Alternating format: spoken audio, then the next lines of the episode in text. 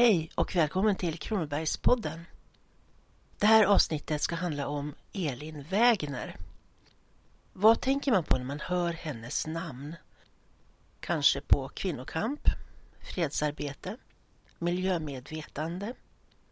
Gör man det så är man väl förtrogen med henne för det var just de här tre områdena som engagerade denna journalist, författare och debattör allra mest. Det var hennes hjärtefrågor. Elin Wägner utmärkte sig också som en ovanligt radikal kvinna genom att flitigt uttrycka sina åsikter under en tid då den manliga dominansen i det offentliga rummet var nästintill total.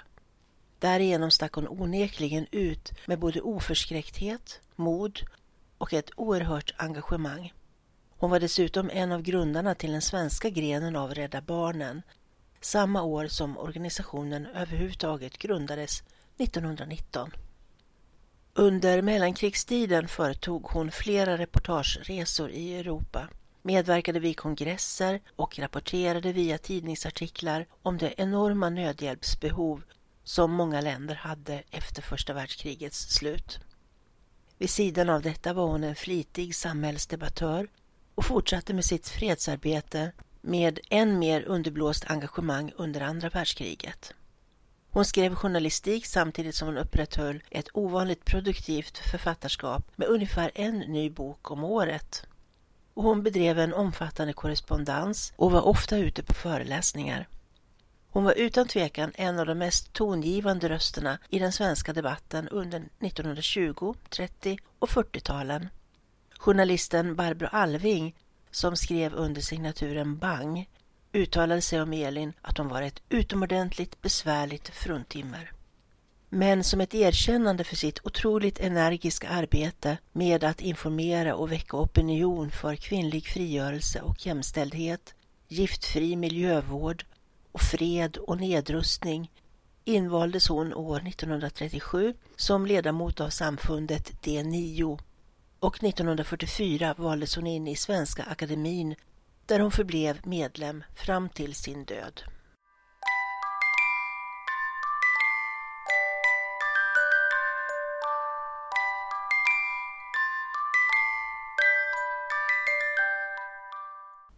Elin Wägner föddes i Lund 1882. När hon var bara tre år gammal dog hennes mor i barnsängsfeber och fadern flyttade med sina barn till Nyköping. En stor del av uppväxttiden tillbringade hon och hennes två yngre syskon emellertid i sin mors föräldrahem på den småländska landsbygden i Tolg där morfadern Jonas Ekedal var präst. Där fanns också morbrodern Alfred Ekedal, också han prost, fastän i berg. Honom hade Elin i ungdomen varit kär i.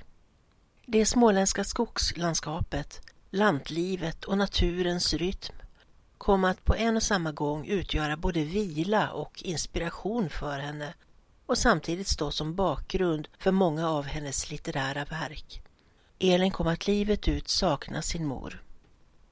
År 1898 flyttade hon tillsammans med fadern och dennes nya hustru tillbaka till Skåne, närmare bestämt till Helsingborg.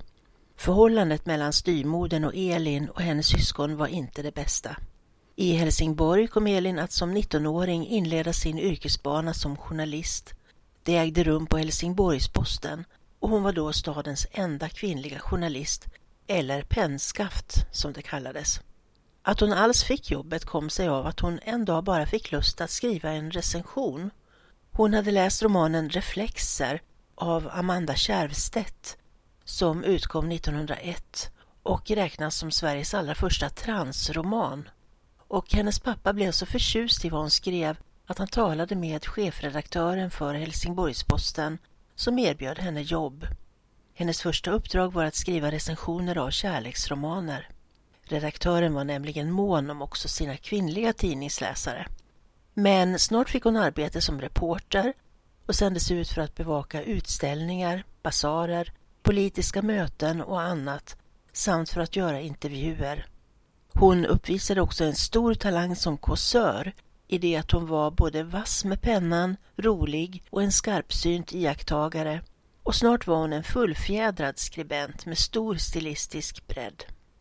Vid 22 års ålder flyttade hon till Stockholm där hon fick fast anställning på tidningen Vårt Land. Samtidigt frilansade hon för en mängd tidningar och tidskrifter. Hon skrev artiklar och noveller i bland annat Dagens Nyheter, skämttidningen Puck och veckotidningen Idun. Den senare var centrum för den kvinnliga rösträttsrörelsen. Journalistiken gav Elin aldrig upp så länge hon levde.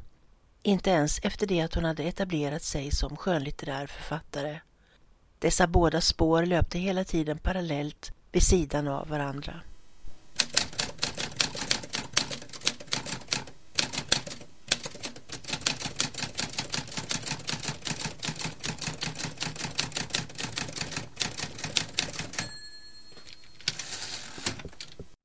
Under hela sitt liv kom hon att engagera sig i samhälleliga frågor, främst sådana med en feministisk eller pacifistisk inriktning. Redan innan hon var i 30-årsåldern var hon djupt engagerad i olika sorts kvinnofrågor och inte minst i rösträttsfrågan där hon var en av de främsta förkämparna. 1907 debuterade hon med novellsamlingen Från det jordiska museet. Där skildrar hon ironiskt olika människotyper och deras agerande. Språket är mer journalistiskt än litterärt, varför det är lättläst, frejdigt och med udd. Men det var med romanen Norrtullsligan från året därefter som hon fick sitt genombrott som författare. Den hade gått som följetong i Dagens Nyheter året innan och var en berättelse om en grupp kvinnliga, ogifta och ensamförsörjande kontoristers kamp för att bli jämlikt bemötta. Med denna roman tydliggörs också det feministiska perspektiv som kom att prägla Elins författarskap. I synnerhet litteraturkritikerna blev förtjusta i denna berättelse för dess personliga tilltal. Det publika genombrottet kom emellertid med romanen Pennskaftet från 1910. Även här står yrkesarbetande kvinnor i fokus, fast denna gång i egenskap av kvinnliga journalister. Denna roman har också betraktats som en betydande berättelse om kvinnlig rösträtt och betraktas liksom Norrtullsligan som en av samtidens mest levande romaner med läsare än idag. Romanen Åsa-Hanna från 1917 är förlagd till den småländska landsbygden och dialogen i den har också dialektala inslag. Det är en berättelse som fokuserar på gott och ont, moral och samvete. Den handlar om Hanna på åsen som trots att hon älskar en annan man gifter sig med handelsmannen Frans som har mycket på sitt samvete. Hanna är inställd på att göra rätt även om hon själv råkar illa ut. Romanen filmatiserades 1946 med Aino Taube och Edvin Adolfsson i huvudrollerna. I många hem i Berg och Tolg ansågs boken Åsa-Hanna vara grovt förtal av trakten och hela släkter som bodde där. Efter första världskrigets slut reste Elin Wägner, som jag tidigare nämnde, ut i Europa för att rapportera därifrån. Hon reste till Österrike, Tyskland och England. Eftersom hon varit med om att starta Rädda Barnen i Sverige kunde hon resa som volontär. I Wien såg hon med egna ögon hur kriget hade lämnat ren och skär nöd i sina fotspår. Hon mötte fattiga, undernärda människor som varken hade råd med mat för att kunna mätta sig eller ved för att kunna värma sig och sina familjer.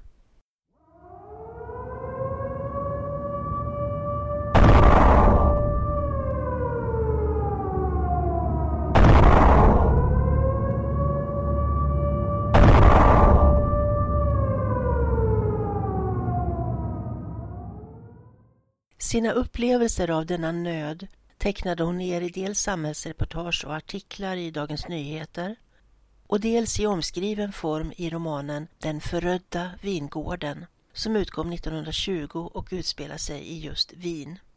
Vid denna tid blev också hennes engagemang i fredsrörelsen av förklarliga skäl starkare. 1939 utkom den kulturhistoriska Tusen år i Småland. Här gestaltar hon tusen års historia i landskapet genom fakta, geografi, myter, levnadsteckningar och även passager där hon belyser en gången tids tro på magi.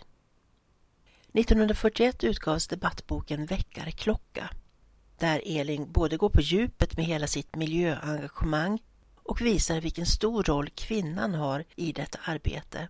även om hennes status historiskt sett har underordnats patriarkatet. Boken skrevs under en tid då nazismen var som allra starkast i Tyskland och ingen visste hur utgången av andra världskriget, som skulle pågå i ytterligare fyra år, kunde bli. 30 år senare blev denna bok aktuell på nytt då både miljö och feministrörelserna tog fart. Vid sidan av romaner, noveller, debattböcker, artiklar, brev och annat författade Elin också levnadsteckningar. Under 1940-talet skrev hon en biografi om Selma Lagerlöf och vid sin död 1949 efterlämnade hon en ofullbordad minnesteckning av Fredrika Bremer. Mellan åren 1910 och 1922 var hon gift med litteraturkritikern, debattören och professorn i pedagogik och psykologi John Landqvist. Han var besatt av kvinnor och förälskade sig ständigt i nya. Ibland kunde han sitta och vara närgången med kvinnor fastän Elin, som han var gift med, var närvarande.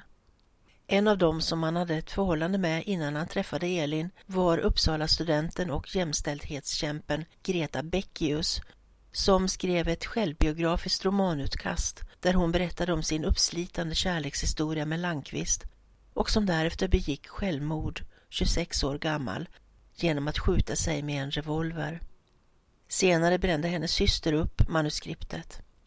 Även om Elin och John var förälskade när de först träffades så utvecklades deras äktenskap mer i riktning mot ett slags kamratäktenskap. Men deras ömsesidiga intellektuella behållning av varandra kom att vara livet ut.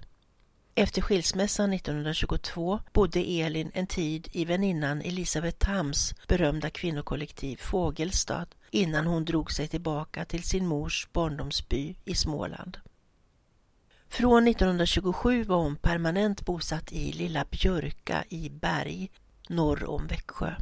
Det var för prispengarna som hon fick år 1923 i de nios stora pris som hon köpte ett stycke hagmark i Berg och där lät uppföra en Smålandsstuga ritad av arkitekten Carl Bergsten.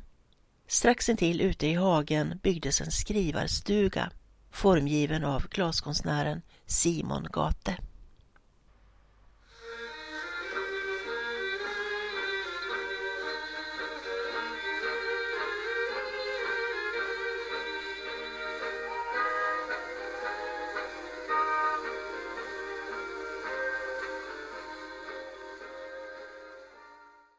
Och den som skötte om både huset, hunden Finn, katten Tekla och den lilla brorsonen Giovanni, kallad Vanni och som Elin blivit fostermor åt medan hon var ute på sina många resor, var hushållerskan Linnea Johansson.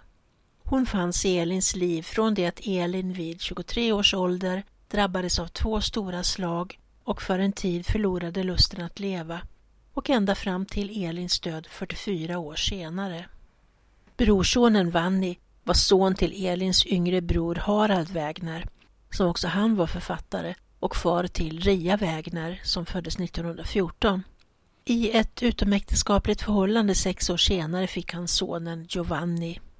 Och de två stora slag som drabbade Elin vid 23 års ålder var dels att tidningskollegan, redaktör Nils Hjalmar Jönsson som hon förlovade sig med, var notoriskt otrogen och bland annat inledde ett förhållande med hennes egen syster Ester. Och dels att Elins halvsyster Rut drunknade under en gemensam simtur i Bergsjön, bara 15 år gammal. Elin rasade därigenom ihop och skickades som konvalescent till morbrodern Esaias som var präst och lektor i Växjö. I hans stora hushåll tilldelades den unga pigan Linnea uppgiften att passa upp på den sängliggande Elin och se till att hon fick i sig mat. Och sakta återkom Elin tillbaka till livet. Hon vittnade senare om att Linnea verkligen hade räddat livet på henne. Under åren i Berg fördjupades Elins insikt om samhörigheten med jorden och naturen och miljön än mer. Hon skrev om landsbygdens värde och arbetade mot dess avfolkning. Hon varnade för storkommuner och hårdför centralisering. Hon ville ha närdemokrati och kort avstånd mellan folket och dess ombud. Men hon förlorade ändå kampen om landsbygden skriver bergsbördige före detta talmannen, försvarsministern, justitieministern och industriministern Tage G Pettersson i sin bok Elin i mitt liv om Elin Wägner och mitt unga jag som utkom 2021 och där han berättar om hur han som barn lärde känna Elin och hur hennes värderingar därefter har följt honom genom livet och präglat honom. För flyttlassen gick in till städerna och husen på landet spikades igen. Tage berättar i sin bok om hur livet såg ut i Berg när han var liten. Det är inte mer än 80 år sedan, men en helt annan värld. Där fanns luffare, AK-arbetare och människor som varit internerade i koncentrationsläger och som kom i Folke Bernadottes vita bussar efter krigsslutet. Där fanns ingen el utan man hade fotogenbelysning. När Tages mor bakade gjorde hon 15 limpor på en gång för att kunna dela med sig till fattiga i socknen. Tage blev bekant med den hela 51 år äldre Elin eftersom hans pappa Edvin var god vän med henne och brukade klippa hennes hår. De brukade då prata med varandra om politik och världsläget och den lille pojken Tage satt på en pall bredvid och lyssnade. Så småningom började han följa med Elin på hennes promenader i omgivningarna kring hennes hus och emellanåt satte de sig att vila på sofforna under lindarna på Bergs kyrkogård. Elin lyssnade varje dag på träden som omgav hennes hus. Träden förmedlade till hennes sinnesstämningar både av glädje och sorg. Hon tyckte sig höra gräset växa och tala. Hon sa till Tage att träden förmedlar känslolägen och ibland också varningar och att de kan tala till en. Hon menade att träd har läkekraft både för psykiska och fysiska åkommor. För övrigt pratade hon inte så mycket, berättar Tage. Hon iakttog och lyssnade mer. Folk i trakten tyckte ibland att hon var lite underlig när hon gick på sina promenader och inte sa något ifall de möttes, utan bara tittade och teg. Fast när hon blev engagerad av något så kunde det bara sprudla ur henne och då var hon långt ifrån tyst. Tage lärde sig genom Elin att avsky rasism och främlingsfientlighet efter att på hennes uppmaning ha läst Onkel Toms stuga och sedan samtala om dess innehåll. I Berg tog Elin initiativ till bildandet av Bergs hembygdsförening 1944 samt till den årliga hembygdskrönikan Bergs krönika med start samma år. Hon var dess första redaktör. Hon kom också med förslaget om en hembygdsgård i Berg, vilket senare förverkligades. 1940 hade hon fått i uppdrag av Fattigvårdsstyrelsen att vid hembesök hos fattiga familjer undersöka stödbehovet. Hon fick fullmakt av styrelsen att inköpa förnödenheter såsom kläder och skor till behövande familjer. Hon var mycket aktiv i Fattigvårdsstyrelsen. Hon var också ledamot av familjebidragsnämnden som skulle se till att inte hustru och barn led ekonomisk nöd när familjefadern låg inkallad i militärtjänst. Elin och hennes väninna Florigate, som var konstnär och fredsaktivist och som hade varit gift med glaskonstnären Simon Gate, såg bastubadande som en renlighetskälla för både kropp och själ. Elin och ordföranden i Bergs hembygdsförening, Johan Johansson i Lilla Målen, tog initiativ till byggandet av bastun i Berg 1946. De tog även initiativ till en internationell kurs i byn Sandvik för fred och återuppbyggnad samt arbetade för att hantverk och småindustri skulle startas i socknen för att ge människor arbete. Omsorg om naturen och ett bevarande av landsbygdens seder och traditioner var ett gemensamt arbete för både Elin och Johan. Flori Gate å sin sida bosatte sig efter sin skilsmässa i Rösås, ungefär 8 kilometer norr om Berg och skaffade sig ett giftfritt jordbruk. Elin betraktade henne som sin dotter eftersom det var 22 års åldersskillnad mellan dem. De gjorde ibland utflykter på tandemcykel.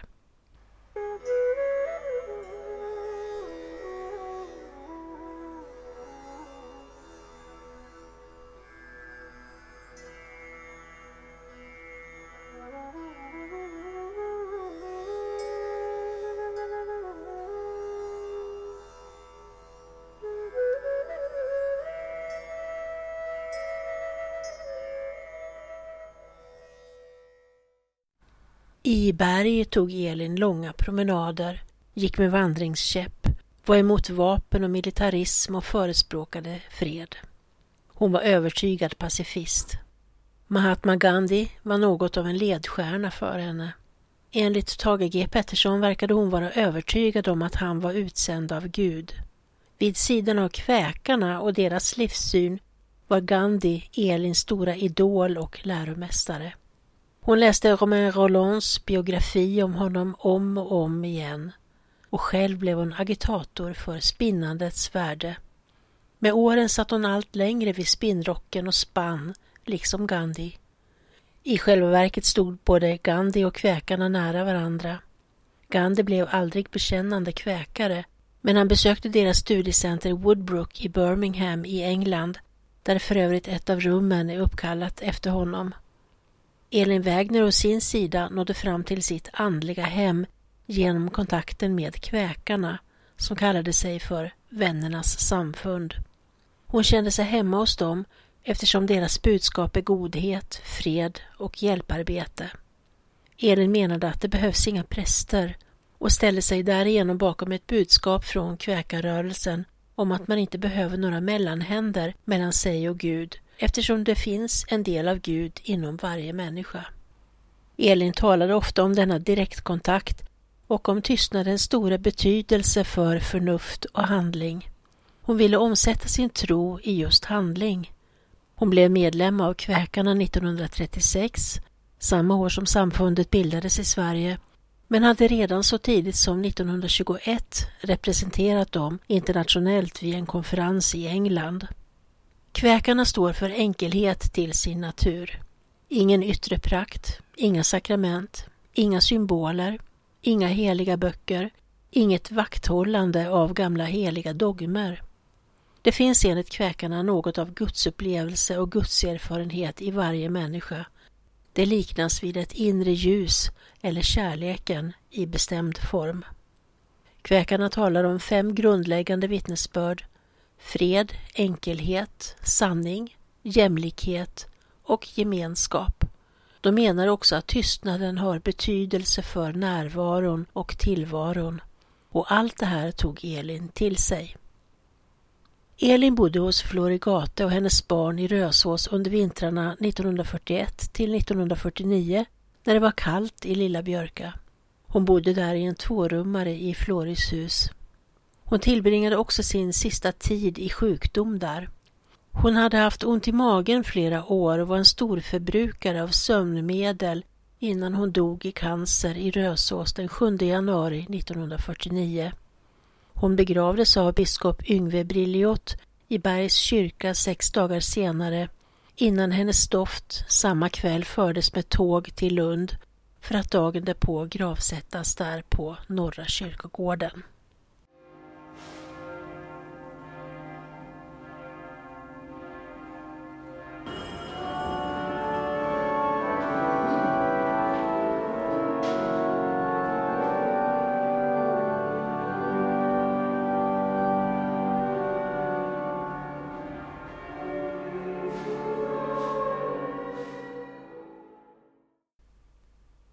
Vad betyder då Elin Wägner för oss idag?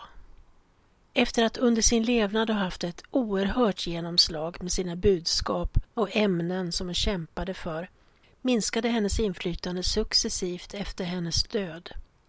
För inte särskilt länge sedan kunde man uppleva henne som en gången storhet, någon som hade ett betydelsefullt historiskt skimmer över sig men som inte kändes dagsaktuell.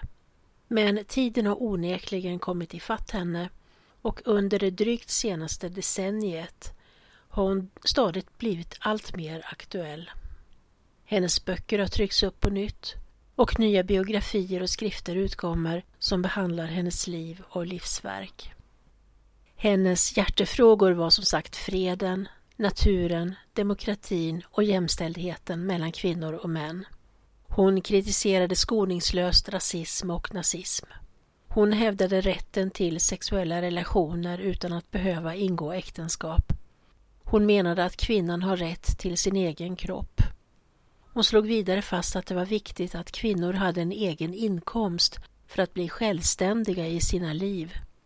I flera av sina romaner och novellsamlingar lyfter hon en moralisk problematik och kvinnans inre mognadsprocesser. Ifall hon i sina tidigare verk mer hade tagit strid för nödvändiga yttre samhälleliga förändringar för kvinnans vidkommande så kom kvinnokampen i hennes senare böcker mer att fokusera på den inre psykologiska utvecklingen för att främja ett starkt och självständigt jag.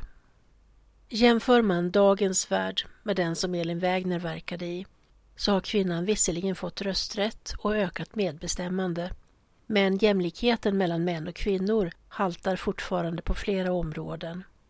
Vad gäller freden, miljöfrågorna och demokratin så är kommentarer överflödiga. Det räcker med att se sig omkring och följa nyhetsrapporteringen så inser man att orosläget i världen är alarmerande. Elins kamp för både människa och miljö på vår planet är mer än någonsin högaktuell idag.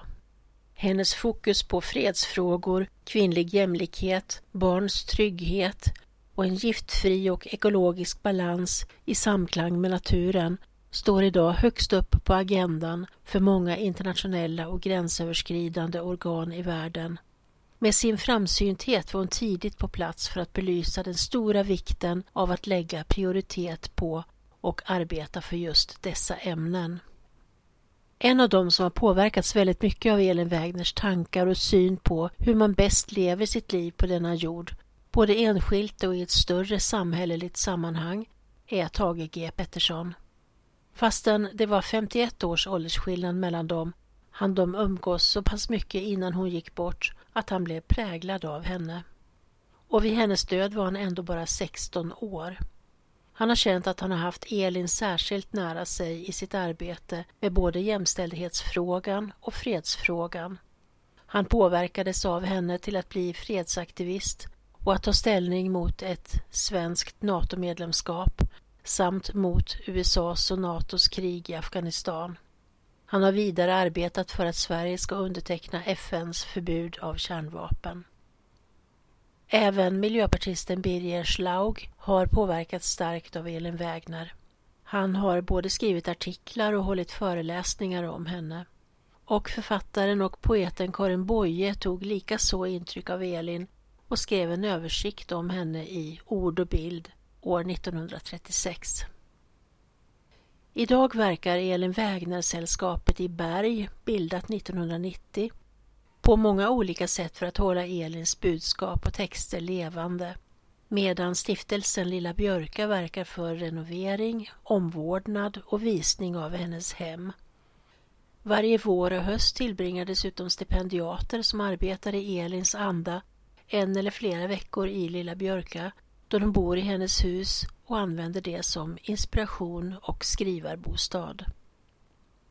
Elin Wägner var under sin levnad en stark personlighet som med outtröttlig energi arbetade för att väcka människors och nationers medvetenhet om att vi har bara en enda jord att leva på och att det är vår uppgift att sköta både den och varandra väl.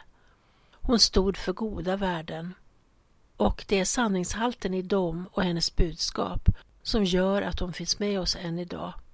Mer aktuell än någonsin. Och är du nyfiken på att själv läsa mer både om och av Elin Wägner så kom till biblioteket och botanisera. Där finns mycket intressant att fördjupa sig i. Tack för att du har lyssnat. Jag som har berättat heter Ella Styv och arbetar som bibliotekarie på Växjö stadsbibliotek. På återhörande. Hej!